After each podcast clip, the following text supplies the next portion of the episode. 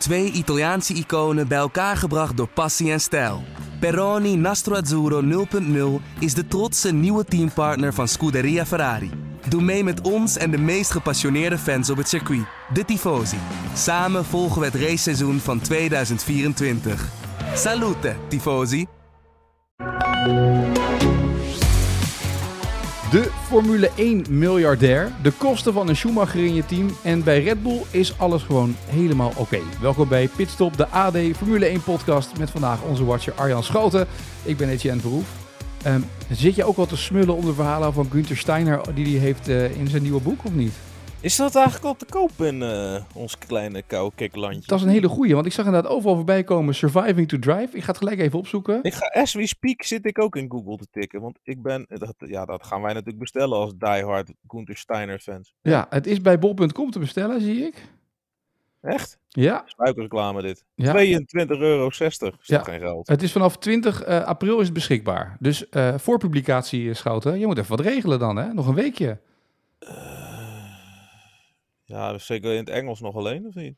Nou, dat kan je toch? Nee, maar ik denk dat het voor het Nederlands publiek net even iets leuker is als ze even, even een uitgevertje in vertalingen doorheen gooit. Ja. Maar uh, ja, nee, ik, ik, kijk er zin uit. Ja. Want hoe, het komt niet heel vaak voor dat, dat mensen uit het wereldje die nog in zitten met een boek komen, toch? In, in, in sportwereld is het heel gebruikelijk om een boek te hebben. Je telt niet meer mee als je geen eigen boek hebt tegenwoordig in Nederland. Maar weet, weet je, ik, ik, heb een, eh, een kast vol hier, eh, een, een halve meter rechts van me. Alleen op een heleboel kaften staat de unauthorized biography. Nou, dan weet je het wel. Precies. Dan is er een hoop gelul over iemand, maar niet met iemand. Maar uh, ja, als je een beetje uitgehobbeld bent, dan is het natuurlijk ook wel uh, bon ton om een boek te schrijven. Damon Hill zie ik staan, Jensen Button. Uh, convergeer met de 300.000 boeken over alles waar vier banden onder zitten. Uh, maar uh, ja, dit is toch wel een trendbreuk. Want die man moet toch nog even door. En hij neemt niet echt een blad voor de mond. Nee, want wat nu vooral opvalt in alle voorpublicaties. Uh, iedereen valt over de verhalen die hij heeft geschreven over Mick Schumacher. Dat kost hem die tijd bij Haas 1,9 miljoen euro. Peperdure crashes. Je hoort het Günther Steiner bijna zeggen, ja. hè? How do you think I can find the fucking money? Ja, Hoort het hem zeggen, ja. ja. Maar hij haalt flink uit naar Schumacher. Ja, ja, ja. Weet je wat het is? Wij hebben natuurlijk heel vaak gezegd, als Schumacher geen Schumacher zou heten, hè, dan zou hij daar nooit uh, rijden. Uh, kijk, er was natuurlijk alles voor te zeggen om het wel te doen. Want de Koen Steiner, zo, zo eerlijk moeten we ook alweer zijn, hij zit nou een beetje te janken over geld. Maar uh, dat neemt niet weg dat Haas natuurlijk gigantisch veel media-aandacht heeft gekregen door die jongen. die gast had al 300 interviews gegeven voordat hij een meter had gereden met die bolide. Dus uh, Gunthertje Steiner die zal ergens in het boek ook best wel wat moois te melden hebben over de komst van Schumacher. Maar inderdaad, het werd niet wat het zou moeten worden. Nee. Uh, maar toch wel weer gek dat hij dan toch weer een rol bij Mercedes krijgt. Ja, wat is dat dan? Ja, toch die naam, denk ik. Als die Etienne Verhoef uh, had gegeten, dan uh, stond hij nu... Dan stond hij nu auto's te wassen bij de Bob Auto was. Hè? Is hij nu een stukje door bij dat wandje achter je hoofd, ja. nog steeds niet af is. dat klopt, ja. Nee, dat is het inderdaad, ja. Ja. Maar 1,9 miljoen aan crashes. En toen zei hij ook, ja, de eerste keer dat een, een autocrash, dat kan gebeuren. Weet je, die, die vergeef ik je nog. Maar twee keer, nou dan heeft hij natuurlijk vooral over Monaco, waar die auto in twee delen zat. die inlap is hij heel boos over. Hè? Ja, precies. Ja. ja, dat is zo knullig. Ja. Maar weet je wat het is? Uh, ik heb Romain Grosjean ook wel eens heel knullig zien crashen. Hè? En daar lult nu niemand meer over, omdat hij daarna uh, een crash had die hij bijna niet meer overleefde. Dus het, het is ook maar net, hoe word je herinnerd, hè? Uh, maar het is Schumacher wel alles aan gelegen om uh, nog een andere entree in de Formule 1 te vinden en betere herinneringen te maken. Want ja, dit is niet uh, hoe je een Schumacher uh, in de herinnering wil hebben. Nee. Dat je een soort van verkoopquote bent van het boek van Gunther Steiner. Ja, dat is niet best voor een Schumacher, denk ik. Nee, dat denk ik ook niet, nee. maar met Gunther Steiner hebben we natuurlijk wel iemand die, die heel uitgesproken is. Ik bedoel, ik, ik lees nu de quotes van Vasseur bijvoorbeeld en dat soort zaken. denk ik, wat saai allemaal. Weet je, met Steiner is wel de juiste man voor een boek. Oh ja, maar als jij, als jij puur en alleen afgaat op de teksten die je hoort op die persconferenties, nou, daar kan je geen boek, daar krijg je nog niet eens een wc-rol mee vol. Het is verschrikkelijk wat die mensen allemaal roepen natuurlijk. Ja. Het is allemaal ongelooflijk netjes. Het is, het is fijn dat Max Verstappen er af tussen zit en die zegt, als je nou nog één keer je mond open trekt, dan geef ik je een kopstoot. Kijk, daar kan je wel een boek mee schrijven, maar ja. Ja, ook wat die Charles Leclerc allemaal uitkraamt. Het is ongelooflijk van een, een corporate niveau waar je broek van afzakt hoor. Echt waar. Eh, ja, jij zit veel in het voetbal. Mhm. Daar eh, dat is natuurlijk ook één groot cliché-circus. Maar Formule 1 kan er ook wat van, hoor. Ja? Vind je dat er te veel clichés worden nu? Nou ja, Lance Stroll, die zit voor... Hoe, hoe lang zit hij nou al in het circus? Vijf jaar? Mhm. Ik heb die jongen werkelijk nog, nog nooit iets horen zeggen waarvan ik dacht... Nou ga ik even mijn kladblok pakken. Jij wel? Nee, nee, ook niet. Het is allemaal heel voorzichtig, heel netjes. En het is ook allemaal twee afgemeten, twee vragen stellen door naar de volgende. Misschien is het ook wat te veel ploegen. Hè? Dat kan ook, hè? Dat je te veel wordt geïnterviewd, waardoor je dus automatisch in zo'n systeem gaat komen. Je hebt helemaal gelijk. En daarom is het niet zo gek dat Gunther Steiner een boek geschreven heeft en Lance Stroll niet. Ja, maar ze- het- zou dit nu een, een trendbreuk kunnen zijn? Dat er meer mensen Nee. denken, weet je wat? Nee? Nee joh. Nee. Gunther Steiner is ergens ook gewoon een soort marketingmachine. Hè? Ja. Deels, eh, nou jullie hebben het er vorige week over, over gehad. Deels groot gemaakt door Netflix. Overigens, jullie noemden ook Yuki Tsunoda. Nou, ik denk niet dat daar heel snel een boek van verschijnt. Ja, in Japan. Want in Japan, over Japanners verschijnt alles. Die heeft Ja. ook waarschijnlijk eh, actiepoppetjes en eh, eigen zaddoeken en weet ik het wat allemaal. Maar ja, Horner heeft volgens mij al een boek. Eh, Helmut Marko, daar zal ook wel een boek over zijn. Toto Wolf zou ik ook wel een boek over willen lezen. Gaan we het denk ik ook nog over hebben, deze Zeker. aflevering. Ja. Eh, ja, verder, ja. Ik zit even op bol.com nu as we speak te kijken of je een Toto Wolf boek hebt. Maar die zie ik niet. Maar ik zie wel een... dit wil ik toch mijn lezers niet onthouden. Of mijn luisteraar. Ik zie dus een mok. En er staat... No, Mikey, no op. Echt waar? 2695. De F1 Board Radio Mock No Michael Toto Wolf Formule 1. Nou, ik denk dat die na vandaag uitverkocht is, want het is, eh, iedereen gaat die gelijk bestellen, al onze luisteraars. Ja. Denk je ook niet? Dat denk ik dat dit Ja, eentje is maar die, als eh, je nu toeslaat, heb je hem 19 april in huis. Hm. En dan kan je op 20 april het boek van Gunther Steiner lezen met een Zo. No Mikey No eh, boek mok eh, naast je. Hey, Nou, dan ben je echt helemaal het mannetje. dan ben je een mannetje. Ja. Maar goed, eh, eh, ik vroeg me ook wel eens af, want ik zit natuurlijk die Drive tussen vijf te kijken en iedereen smult van Gunther Steiner en die zit bij Ziggo, bij het racecafé zit hij ook natuurlijk heel vaak dat ze even met hem bellen. Ehm, maar is die man nou een goede teambaas, vraag ik me ook gewoon af. Hij zit natuurlijk bij een heel klein team. Ja. Wat moet je bij een klein team doen als je geen punten pakt, maar je wil wel commercieel eh, een beetje interessant zijn? Dan moet je herrie maken. Ja, nou dat doet hij. Dan gaan hij dus een heleboel alarmpjes af, hoor Nou, ik hoor het ja, ja. Maar de- ja, weet je, eh, hij doet me af en toe een beetje denken aan Frits Korbach. Die riep ook al van die gekke dingen. Toch? Ja, ja. Ik mijn bestuurskamer binnen en die, eh, die vroeg hoe laat begint het piep, zeg maar. Ja. Ja, nou ja, je ziet het Gunther Steiner ook zomaar doen. Hij, hij zegt soms van die hele rare dingen. Hè? En dus de ideale man voor een boek eigenlijk. Ja, ja, in die zin is het helemaal niet zo gek, dit fenomeen. Nee. Nee. Maar vertalen die op, kunnen wij er ook een beetje van genieten. Ja, ik hoop wel Hoewel, dat... Ik denk dat Gunther in het Engels nog beter is dan in Nederland. Dat denk ik ook. En ik, ik hoop alleen wel dat dit niet het enige opzienbarende is. Want tot op heden heb ik dit alleen maar teruggezien overal over het boek. Dat Ja, maar dat zal, wel, dat zal wel zo zijn. Dat De- weet jij ook. Ja, zo werkt het vaak in dit wereldje. Dan is de rest allemaal heel beleefd. Dit is het enige punt waar hij dan op kan uithalen. Ja. Ja. Ze hebben waarschijnlijk ook uren gezocht. Echt een heel panel, twintig keer dat boek heen en weer laten lezen van voor naar achter en van achter naar voren. Ah, doe deze quote maar dan. ja. Nou, ben benieuwd. Wij gaan kijken of we dat boek binnenkort dus nog eh, kunnen meenemen en bespreken. In ja, deze dat podcast. gaan wij natuurlijk even kopen, dat snap jij ook. Zeker. Het was eh, sowieso, eh, als we het over teambazen hebben. ehm, kan je nou miljardair worden van de Formule 1? Ik bedoel, ik vroeg het vorige week aan, aan Marijn. Waarom doen al die kleine teams nou mee? Maar als je nu kijkt, werd ook Ja, getipt. het was gewoon om geld hoor trouwens. Ja, dat klopt. Ja, ik daar heb naar waren jullie geluisterd. Ja. Eh, Marijn die, die, die liet eigenlijk ook in het midden. hij dacht ook dat je, dat je er gewoon. Dat het ook een soort van geld verbranden kon zijn uit passie. Alleen ergens zit je er ook gewoon in om geld. Gene Haas die stapt er echt uit als hij geen cent meer aan overhoudt, denk ik. Nee, maar oké, maak Dat- je vraag. Ik werd ook een aantal luisteraars die reageerden ook en liet ook even zien wat het verdienmodel was. En je Ja. ziet natuurlijk door de nieuwe eh, inkomstenbron van Formule 1 in Amerika, waar meer geld wordt binnengehaald, et Ja. cetera, dat er die televisiegelden gaan omhoog. Dus gaan de verdiensten van de teams omhoog. En dus is het, net als een basketbalteam kopen, gewoon, gewoon handel om een team te hebben, toch? Je, ook al ja. rij je achterin mee, het is gewoon geld verdienen. Tuurlijk. Ja. Tuurlijk. En kan je dan ook miljardair worden in de Formule 1, met Formule 1? Als, Ik zou nu moeten zeggen, eh, daar twijfel ik aan, dat is wel heel veel. Maar ik heb denk ik hetzelfde gelezen als jij, dus mijn antwoord is ja. ja, dat gaat namelijk over Toto Wolff. Juist. eh, die eh, met zijn belangen en dat soort zaken in de Formule 1. Want zoveel Formule 1 miljardairs zijn er niet die via de Formule 1 miljardair zijn geworden. Behalve Bernie Ecclestone ongeveer, denk ik. Nee, via de Formule 1 niet. In de Formule 1 wel, denk Ja. ik. Want Lawrence Stroll die zal ook wel enigszins vermogend zijn in die richting. Ja, die is zeker miljardair in Canada. Ja. Ja, ja, ja. Nee, maar daar heb je een goed punt. Ik heb de breakdown van onze favoriete Twitteraar ook gezien. Ja. En, eh, ja, dat was wel smullen, ja. Ja, want wat vond je daar opvallend aan? Hoe hij miljardair is geworden, Toto Wolff? Want hij is natuurlijk financieel onafhankelijk. We kennen hem als teambaas van Mercedes. Eh, nou, ik wist eigenlijk, ik was al eigenlijk helemaal weer vergeten dat hij aanvankelijk eerst nee heeft verkocht aan Mercedes. En dan moet je wel heel stevig in je schoenen staan, hè? Als je bij Williams zit, de- weliswaar destijds een groter team dan, dan wat het nu is, hè? Met een eh, gigantische heritage, legacy, hoe je, het- wat Ja. voor verschrikkelijke termen je er maar op los wil laten.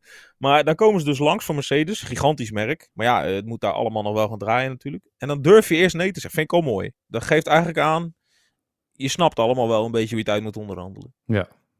En dan, nou, dat doen ze hier nog een beter bod en dan toch gaan. Maar wat hij natuurlijk, eh, ja, best wel anders maakt als, als, als anders, dat hij er ook vaak een belang in neemt. Dus dan profiteer je eigenlijk ook nog eens financieel van je eigen werk. Ja. Eh, waar anderen natuurlijk eh, louter en alleen hun, hun contractonderhandelingen of hun contractsom krijgen, heeft hij er ook nog een extra motivatie om zijn best te doen. Ja, vind ik wel interessant. Ja, want dan heeft hij een belang in Mercedes. Hij heeft belangen in, in eh, Williams lopen. Dus hij, het is niet zeg maar dat hij helemaal denkt... Goh, weet je, we doen het gewoon maar even op deze manier. Het is, het is, het is gewoon een slimme zakenman eigenlijk. Ja, het is een gigantisch slimme zakenman. Maar je merkt het ook als je met hem praat. Hij is helemaal niet een, eh, hoe moet je dat zeggen, een standaard sportman. Nee, Een voetbaltrainer bijvoorbeeld, die, die puur in de sport zit omdat hij lijp van die sport is. Nee, de- deze man is, dit is gewoon een investeerder. Die heeft gewoon een, een neus voor kansen. En ja, dit, dat vind ik fantastisch. ja. Je kan hem eh, zo in, een- in, in een lijstje doen met andere. Ja, met, met inderdaad, NBA-eigenaren en dat soort, dat soort figuren. Daar staat hij tussen. En dat heeft hij toch maar mooi eh, weet, eh, voor, voor elkaar te schoppen. Als eh, een van de weinigen in de Formule 1 en misschien wel de enige. ja, want andere teams worden natuurlijk... Williams wordt nu gekocht door investeringsmaatschappijen en dat soort dingen. Dus daar zitten veel meer andere partijen achter die daarin in geloven... om daar geld mee te kunnen verdienen op de lange Ja. termijn. Daar zit, daar zit niet één grote man Nee. eh, eh, tussen. Nee, precies. Maar het kan dus wel miljardair worden met de Formule 1. Niet zozeer door te rijden, maar dan moet je dus wel slim eigenaar zijn van teams en mee profiteren van de winsten die in die teams worden gemaakt. Dat is een beetje het verhaal eigenlijk. Je moet er eigenlijk mee akkoord gaan dat je geen dag meer vrij hebt in je leven. Want dat is het denk ik hoor. Ja. Hij is manager. eh, ook nog van eh, coureurs geweest. Hè? Ja. Eigenaar, uitvoerend directeur. Heeft de leiding over een hoop zaken. Is aandeelhouder. Eh, hij heeft een belang in een rally-team. nou ja, Russell staat hij nog bij. Hij heeft nog een aandeel in Aston Martin. Vergeten we eigenlijk helemaal in dit hele verhaal. Ja. En, en Forbes hè, heeft dus berekend dat er maar 2570 mensen rijker zijn op deze aardbol dan Toto Wolff. Ja. Overigens, Lawrence Stroll, 3,2 miljard waard. Dus daarmee is Toto Wolff eigenlijk maar een pruts. ja. Maar Stroll heeft het met nog even iets andere zaken gedaan dan sport natuurlijk, hè? Ja, nee, is waar. Is waar. Maar eh, waar hebben ze nou eh, waar hebben ze Toto opgezet? Oh ja, 1, 1 miljard. Dus Ja. dan zit je een beetje bij de Tiger Woods en de LeBron James in de league. Nou, dat is ook niet lullig, toch? Nee, maar dat is, wel, dat, dat is wel bijzonder, want die 1 miljard is wel een grens, toch? Ik bedoel, je ziet vaak dat Michael Jordan kwam daar op een gegeven moment doorheen, Tiger Woods kwam daar doorheen, dat mensen zeiden, zo, weet je, dit is wel eh, een ding. Dat vind ik eigenlijk nog knapper. Want dat zijn nog actieve atleten. Hè? Ja. En eh, nou, we weten allemaal wel een beetje hoe gigantisch veel tijd daarin gaat zitten. En als je dan daarnaast ook nog tijd hebt om te ondernemen en een, en een merk op te bouwen. Kijk, Toto Wolff heeft ook zelf in de auto's gezeten. Weliswaar eh, vrij eh, bescheiden. Eh, maar heeft natuurlijk ooit ook een droom gehad om, om ehm, eh, nou ja, kampioen, wereldkampioen te worden. Maar hij heeft ook al snel die droom opzij geschoven, net als Horner overigens. omdat hij wist, in dat andere kan ik nog succesvoller worden. En dat, dat vraagt ook om, om, om eh, zelfkennis. Eh, ondertussen praten wij deze weken en hebben geen race omdat China geschrapt is. Gaan we ooit China weer terugzien op de kalender? Ja, natuurlijk. Ja? Ja, dat is te belangrijk om te negeren. Of te, te belangrijk of er zit te veel geld in China om het te negeren? Het een is inherent aan het andere, denk ik. Want het is toch niet zo dat de Formule 1-wereld slechter slaapt omdat de Grand Prix van China geschrapt wordt, toch? Weet je, en laten we er één zin van maken. Het is te belangrijk om te negeren omdat er te veel geld zit. Ja. Ja. En eh, natuurlijk, ze kunnen je ook een heel mooi plan eh, schetsen dat het heel strategisch is. eh, met een hele grote groep mensen en kijkers en Azië en de Chinese markt en zoo in een auto. Dat klopt allemaal, maar dan komt het er ook weer op neer dat het, eh, dat er dus heel veel geld zit. Ja, precies. Want het is natuurlijk een miljardenmarkt daar. Is, eh, Formule 1 is natuurlijk groot daar, maar Drive to Survive wordt dat daar uitgezonden? Want we hebben geen Netflix toch in China? Dat lijkt me niet. Nee. Dus, eh, dus de hele nieuwe markt eigenlijk die ze daar weer kunnen aanboren natuurlijk zo Ja, meteen. maar ze moeten natuurlijk dus snel naartoe, want er zitten Chinezen in de Formule 1. Dat was jarenlang een wens. Alleen de Chinezen hebben nog nooit in China gereden. Dat is natuurlijk wel een beetje wrang. Ja. Overigens, ik heb de Grand Prix twee keer mogen doen. Het is, het is niet mijn favoriete circuit, moet ik zeggen. Nee? Nee. Want? Overigens, er zit wel een gigantisch mooie bocht in Shanghai. Die, die doordraaier. Ja. Of dat je in een, eh, in een oneindige achtbaan in de Efteling beland bent met je auto. Die is fantastisch. Ehm, maar eh, die paddock is veel te groot. Mhm. Het lijkt wel of dat je op een legerbasis bent. Dat is echt niet normaal. Je moet drie kilometer lopen van de ene box naar de andere. Ehm, en het is afgeleverd, want ze zeggen natuurlijk Shanghai, maar het is geloof ik 100 kilometer bij Shanghai vandaan. In the middle of nowhere, in een, in een, in een eh, regio wat ze Autos, Autosport City of Automotive City noemen. Waar allerlei van die bedrijven zitten. Eh, maar goed, ja, Shanghai, dat is, is op zich nooit heel vervelend om te zijn. En eh, ik begrijp wel dat ze daar naartoe gaan. Alleen het is, het is ook wel een gekke beleving, hè? Want die Chinezen die kijken heel raar sport. Weet jij misschien ook wel. Die, die zijn in staat om ehm, naar dat circuit te komen met de metro. Dan kijken ze naar de start. En als het dan na drie rondjes saai wordt, dan lopen ze weg. En dan kijken ze in de metro terug naar huis, de rest op hun telefoon. Echt? Die, die, ja, dat is ongelooflijk. Ja. Daar heb ik toen nog een verhaal over gemaakt, een blog. Ja. Maar we hebben ondertussen ook nog een circuit liggen in Vietnam, dat ook aangelegd is door de Formule 1 toch mede. Want dat was zo belangrijk om ook daar in die nieuwe wereld te investeren. Schijnt hij op bezoek geweest te zijn, hè, Domenicali, las ik. Ja, Afgelopen week. was ook misschien Op- wel op handig. doorreis vanuit Australië. Ja. Is even zijn antenne opsteken daar. Hè? Of het Maar, allemaal nog kan in Hanoi. wou ik zeggen, want eh, die, die, die man die dat allemaal geregeld heeft zit vast in de bak. Ja, die had iets met corruptie, meen ik. Ja. Ja, verbaast je niks Weinig natuurlijk. Ja, maar eh, komt hij dan wel weer terug ooit op de kalenders Vietnam? Want ze hebben daar toch zelf in geïnvesteerd, toch, als Formule 1? Ja, maar eh, ja, ik, ik word een beetje draaierig in alles waar het wel zou kunnen en wat zou kunnen. En als je, je, kan, je kan geen week overslaan. Kijk, er er zijn deze weken natuurlijk geweldig voor, want er is geen race. Dus dan ga je alles maar een beetje zitten volgen. Ja. F-Reader One, geweldige app. Als je een Android-telefoon hebt, moet je er even op zetten. Er Mhm. komt om de 10 minuten komt er een nieuwsbericht naar binnen rollen wat er nu weer gebeurd is in de wereld. Maar je kan geen week overslaan zonder dat je een bericht krijgt. Die stad is geïnteresseerd. Die stad wil. Die stad wil. En Hanoi staat daar ook nog steeds tussen. Eh, dat ze naar China teruggaan volgend jaar, dat is volgens mij allemaal wel duidelijk. Eh, Zuid-Afrika. Er zijn Ja. ook weer gesprekken. Dat, dat, eh, die hoeven volgens, volgens de laatste berichten eigenlijk alleen maar de financiële gegevens eh, goed te overleggen. En dan gaan ze daar ook naartoe. Klinkt allemaal leuk, maar je vraagt je wel een beetje af hoe gaat dit allemaal passen. Nou ja, dan, dan gaan er gewoon wat traditionele races weg, toch? Het gaat uiteindelijk om het nieuwe geld. Er moet meer geld verdiend worden. Hebben we net over gehad. Ik bedoel, Toto Wolff is miljardair geworden omdat die televisiegelden mede omhoog gaan natuurlijk. Nee, nee, ik snap het allemaal wel. Hè? Maar ehm, eh, ja, kijk, je kan er wel één of twee wegstrepen, maar als je er dan drie bij neemt, dan schiet je er ook geen kloten mee op. Ehm, dus ik, ik, ik deel de zorgen van alles en iedereen wel dat het, dat het eh, wel heel erg de nadruk op meer, meer, meer ligt. En je vraagt je af en toe een beetje af waarom. Want het, het, het circus staat, zoals het staat, natuurlijk ook heel erg krachtig. Ja. En dan kan je wel heel erg gaan schaven aan de historie en, en nog een race in een land waar eh, ja, nou niet de, de, de autosporthistorie zit. Maar dat, ja, dat doet me wel eens een beetje. eh, nou ja, pijn. Daar is de liefde voor de sport misschien te klein voor. Maar ik snap wel dat dat de echte autosportfan een beetje pijn kan doen. Ja. Ja. Want je gaat natuurlijk zo meteen waarschijnlijk er naartoe dat je gewoon een aantal Grand Prix in Europa gaat krijgen. Dat ze zeggen, we doen er zes in Europa bij wijze van spreken. En elk jaar wordt gewoon gekeken welke races worden verreden. Dan staat bijvoorbeeld Silverstone vast. Maar daaromheen wordt gewoon een beetje geloot welke Grand Prix er verreden zullen worden. Nou ja, maar je gaat, dat is volgens mij onvermijdelijk. Je gaat een uh, roulatiemodel krijgen. Ja, Uh, waar natuurlijk vorig jaar al sprake over was met Spa en uh, circuit Paul Ricard. Ja. Um, maar je bent een wereld aan het creëren met al die gigantisch hoge fees die uh, andere landen aftikken, die uh, ja, totaal geen, uh, geen grenzen hebben daarin. daar ben je een wereld aan het creëren die Europa niet meer bij kan houden. dus dan ga je dus een, een, een, een, wereld creëren dat een spa eigenlijk eens in, om het jaar zo'n fee af weet te tikken, maar niet Ja. meer elk jaar. Uh, dus dan gaat een Spa gaat draaien met een, uh, weet ik veel, met een Hockenheim of met een Nederland misschien wel, hè? Want we doen allemaal wel of dat het Zandvoort zo, zo, uh, zo luxe is. Maar ja, die hebben ook niet met tien jaar verlengd, hè? Dus Nee.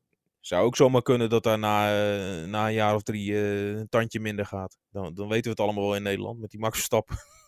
Ja. en als Nick de Vries dan nog geen wereldkampioen is, dan ja, Dan moet ik het allemaal nog maar zien. Of het eh, allemaal zo toekomstbestendig is dat wij denken dat het is. Ehm, Dat is Ja. een beetje de toekomst, de- waar het naartoe kan gaan zometeen. En dat zie je wel terug in Amerika, ook in het voetbal. In het gewone voetbal, het Mhm. soccer wat wij kennen. Dat teams daar een competitie instappen. En die moeten ook al een entry fee betalen. En die is vrij hoog, maar ze krijgen ook enorme televisiegelden ervoor terug. Dus het wordt een Ja. soort van eh, geldmachine dan. Ja, maar je hoeft er ook helemaal niet eh, voor doorgeleerd te hebben. Je, je, moet wel heel achterlijk zijn. Wil je niet herkennen dat dat commercieel ook weer kansen biedt als jij gaat roleren. Hè, Ja. Doe je het ene jaar dat aan, het andere jaar dat aan. Prijs Dan- omhoog, eens in de twee Dan ben je jaar. er wel, maar Ja. je creëert ook nog eens schaarste. eh, en, en een gigantische vraag naar fans. Dus ja, volgens mij is het een, een appeltje-eitje dat ze dat een keer gaan doen. Ik denk dat Bob van Oosterhout trots op ons zou zijn als we dit zo uitleggen op deze manier. man. Hè? Dat sportmarketing, dat kan iedereen, dat zeg ik altijd. Dat blijkt maar Gewoon weer. een beetje, een beetje helder nadenken op vrijdagmiddag, kom in Nederland. Ja. Hey, nog even een paar andere dingen. Eh, kort over naar Red Bull, want eh, het is, alles is pais vrij bij Red Bull. Ik las dat eh, Perez heeft gezegd, nee hoor, we hebben helemaal geen ruzie, niks aan de hand. Eén grote familie eigenlijk. Ja, tussen de races door kunnen ze allemaal goed met elkaar opschieten daar. Ja. ja. Maar als het dan een race is, dan zijn we boos. Ja, dan loopt het allemaal iets minder eh pijs en vrij en crescendo. Maar het is net Pasen geweest, dus je moet ook niet alles serieus nemen wat je daar hoort. Nee. De ze in Mexico ook, hè? Dat is ook weer waar, ja. En als jij nu weer hoort dat Vasseur zegt, ja, die Red Bull straf van een jaar geleden die ze hebben gekregen voor budgetcap overschrijden, die is wel heel licht geweest. Gaan we dan weer die veten oprakelen? Mm, nou, ik hoop het niet.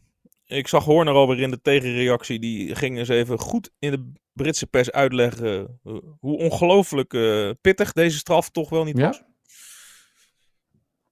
ik weet het niet. Volgens mij interesseert het grote publiek helemaal hilarisch. Geen moer dit. Het Dat is denk ik echt, ook niet. eh, nee. gen- echt gelul en geneuzel in de marge hoor. Maar is dat een, Altijd maar dat terugkijken. Nu ook weer. Er is weer een petitie gestart in Groot-Brittannië. om toch Max Verstappen van zijn titel in 2021 te strippen. Jongens, leef alsjeblieft door. Ja. Man, man, man, man, man. Maar dit is natuurlijk voor Vasseur een reden om de afleiding te zoeken en te zeggen: ja, weet je wel, kijk eens hoe sterk Red Bull is. Wij kunnen er niks aan doen dat onze auto kapot gaat. Ja, nee, ik snap het. Maar eh, ik heb volgens mij altijd geleerd in de sport dat je ook eens kan proberen om van je eigen kracht uit te gaan. Ja, nou, sterke teams gaan uit van hun eigen kracht. Ja, eh, Ferrari kijkt de hele tijd om. Terwijl als ze omkijken, er is niks meer. Ik zou vooruit kijken. Eh, je, je, moet er, geen- je, moet, je moet die machine, die rode machine moet je aan het werk krijgen. Daar ligt je focus. En verder moet je niet met zoveel dingen bezig zijn. Dat, dat begrijpen ze maar niet daar. Dat is- Indekken, indekken, indekken. Even indekken. Ja. Ja. dat zijn ze geworden. Ja. Ja. Wat een beetje zonde is natuurlijk, maar dat doet wel een beetje afbreuk aan, eh, eh, aan hun naam en hun grandeur. Nou ja, ik moet zeggen. eh, kijk, kijk, Mercedes Red Bull was altijd een mooi gevecht. Maar dat. wanneer was het? Begin vorig jaar. Ja. Dat je even gewoon drie, vier, vijf races. Red Bull Ferrari als, als, als duel had. Ja, dat was om te smullen. Dat was echt mooi. En dat is natuurlijk ook het duel wat ze willen. Hè? Dat is Leclerc versus Max. Dat zijn de twee generatiegenoten. Ja, dat, natuurlijk, daar, daar hangt de hele sport. Maar dat komt gewoon totaal weer niet uit de verf. Het is natuurlijk gewoon een desastreuze start. En nou kreeg ik net een mailtje in mijn box. eh, ik zal het even voorlezen. Een right to review. Dat gaat over die, eh, die straf voor, eh Voor Sainz. Voor Sainz. Ja. Daar, daar mogen ze nog eens naar herkijken, als ik het allemaal goed begrepen heb. Maar eh, ja, wat schiet, het allemaal, wat schiet je er allemaal mee op, joh? Het is eh vastgrijpen van een stroham naar positiviteit in de hoop dat het seizoen ten positieve wordt gekeerd in plaats van eh, nu al door het doucheputje verdwijnt naar de vergetelheid. Zo. Nou, we hebben het over boeken, maar ik zou er toch maar zijn gaan schrijven als ik jou was. Ja, tegeltjes begin ik mee. Doe ik eerst een paar tegeltjes op die gestukte, nog niet gestukte muur hier achter mij en dan eh, Komt het, of komt het op vrijdagmiddag altijd wat beter uit de verf bij jou? komt altijd dat komt heel goed uit de verf op vrijdagmiddag. Hmm. Maar goed, we zijn nu eh, drie races op weg, staan gewoon vierde. Ja, 26 puntjes in het constructeurskampioenschap. Ja. 97 punten achter Red Bull. Het is toch om van te huilen. ja. En dus zegt Vasseur, ja, die Red Bulls die gaan heel hard. Die straf was veel te licht. Hè? Ja, Grote Ja. kop eh, in de Italiaanse sportkranten. Vol steun voor, eh, voor, de, voor de Ferraris. En dan maar hopen dat het een beetje de aandacht afleidt. Wat denk jij trouwens? Gaat die eh, Formule 1 film met Brad Pitt ook echt een keer verschijnen of niet? Ik heb er nu al echt 3000 berichten over gelezen. Ja, nee zeker. Maar een film maken duurt lang hè. Ik, ik lees hier. It is set to start production in the coming weeks from a base at Silverstone. Kijk, Dan gaan we alleen draaien. Stop. in de zaak. Juist. Dus volgend jaar komt die film uit pas, 2024. Waarschijnlijk in maart, aan het begin van het Formule 1 seizoen. Wat denk jij? Ja, ik denk net even een weekje ervoor of zo. Ja? Zoiets. Allemaal een beetje aan te wakkeren. Zo is het. Eh, even een andere vraag. Wat denk jij dat eh Abbehuis als eindtijd gaat hebben in de marathon van Rotterdam? Nou, ehm Ik zet uur op 3 uur en 50 minuten. nee joh, veel sneller. Hij Ja? is veel rapper. Ja. Nee, die gaat wel richting de drie uur hoor. Nee. Ja, zeker wel. Oké, wat zetten we erop? 3 uur eh 15 denk ik. Oké, dan ga ik iets voor de. Dan ga ik naar de 3 uur 40 dan. Als jij zegt dat hij Nee, rapper is, hij jij loopt met hem hard. Weet je, en jij snapt echt helemaal niks van. Hij kan veel harder joh. Ja, dat kan die, maar hij blaast zichzelf op. Hij is alleen maar op reis geweest. Hij heeft last van jetlags. Jongen is niet meer gewend. Weet je, zal ik eens iets verklappen? Dat is inside information. De dag voor de marathon, ik weet niet wanneer de mensen dit luisteren, maar op de zaterdagmiddag hebben wij van AD een personeelsuitje. Juist. Ja. En we gaan padellen, ook wel babytennissen genoemd. En die Abbehuis die kan ook een beetje tennissen. En dat is een fanatiek ventje. Die gaat natuurlijk heel die marathon naar de Filistijnen slaan op die zaterdagmiddag. Die padelbaan. Snap 3 jij? uur 40 minuten, zeg ik bij deze. Ik zet er een goed biertje op met uur en een kwartier denk Ja. hij loopt de hele zondag door Rotterdam. Mocht hij langs de kant staan eh, op deze zondag, dan eh, moedig hem vooral aan. Eh, Maar ja? heb jij nou de pitshop shirt geregeld? Nee dat, kon, nee, dat heb ik niet meer geregeld. Oh, maar- daar komt weer niet. Nee, nee, ja. Nou, je hebt nog twee dagen. ik vind vooral, hij staat heel groot Marijn op. Ik denk dat het vast goed gaat komen. En eh 3 uur en 40 minuten, dat geef ik hem wel. Jij dus 3.15? Weet, ja, weet je dat er vroeger al zo'n man was in de marathon? Die, dat was de eigenaar van een keukenzaak in Krimp aan IJssel, Mhm. Ideo Keukens. En die maakte er sport van om elk jaar weer naast de kopgroep te gaan rijden. En dan had hij op zijn op zijn bagagedrager van zijn fiets had hij een gigantisch bord van die keukenzaak, eh, die een beetje heen en weer bewoog, eh, geconstrueerd. En die had gewoon elk jaar, eerste weekend van april, van 10 tot 12 op een zondag, twee uur gratis reclame. Ja. Dan ben je toch een gigant, of niet? Nou, ik hoop dat Marijn eh, een beetje in dat eerste startvak mee kan. En die eerste paar honderd meter gewoon zichzelf volledig opblaast. Maar dan wel een beeld is. Ja, ik ook. Overigens, ik moet er wat over tikken. Ik schrijf alleen over toppers. Dus ik denk dat Marijn niet in mijn verhaal terugkomt. Maar eh, Nou, we gaan het zien. het is toch een dappere poging om dat te proberen. We gaan het afwachten. We zijn de volgende week weer met een gloednieuwe pitstop. Dan gaan we langzamerhand maar eens vooruitblikken op Azerbeidzjan. Want eh, daar gaan we dan naartoe. Dat is dan nog een week weg, hè? Ja. Nog één week en dan pas is het weer zover. Ik surf vaak dat er te veel races zijn. Maar dit is echt voor niemand leuk. Nee. Maar goed, we hebben Al nog die één week. podcast over met dat geneuzel van ons. Hè? Nou, ik vind dat we best snel eind zijn gekomen vandaag. Nou, ik zie al bijna een half uur aan tikken. Dus laten we er maar een eind aan maken. Heel goed. Spreek je later weer. Dankjewel. Yo, hoi.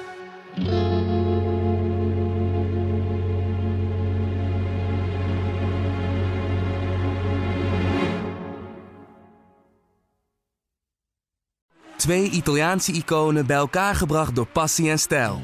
Peroni Nastro Azzurro 0.0 is de trotse nieuwe teampartner van Scuderia Ferrari. Doe mee met ons en de meest gepassioneerde fans op het circuit, de Tifosi. Samen volgen we het raceseizoen van 2024. Salute, Tifosi!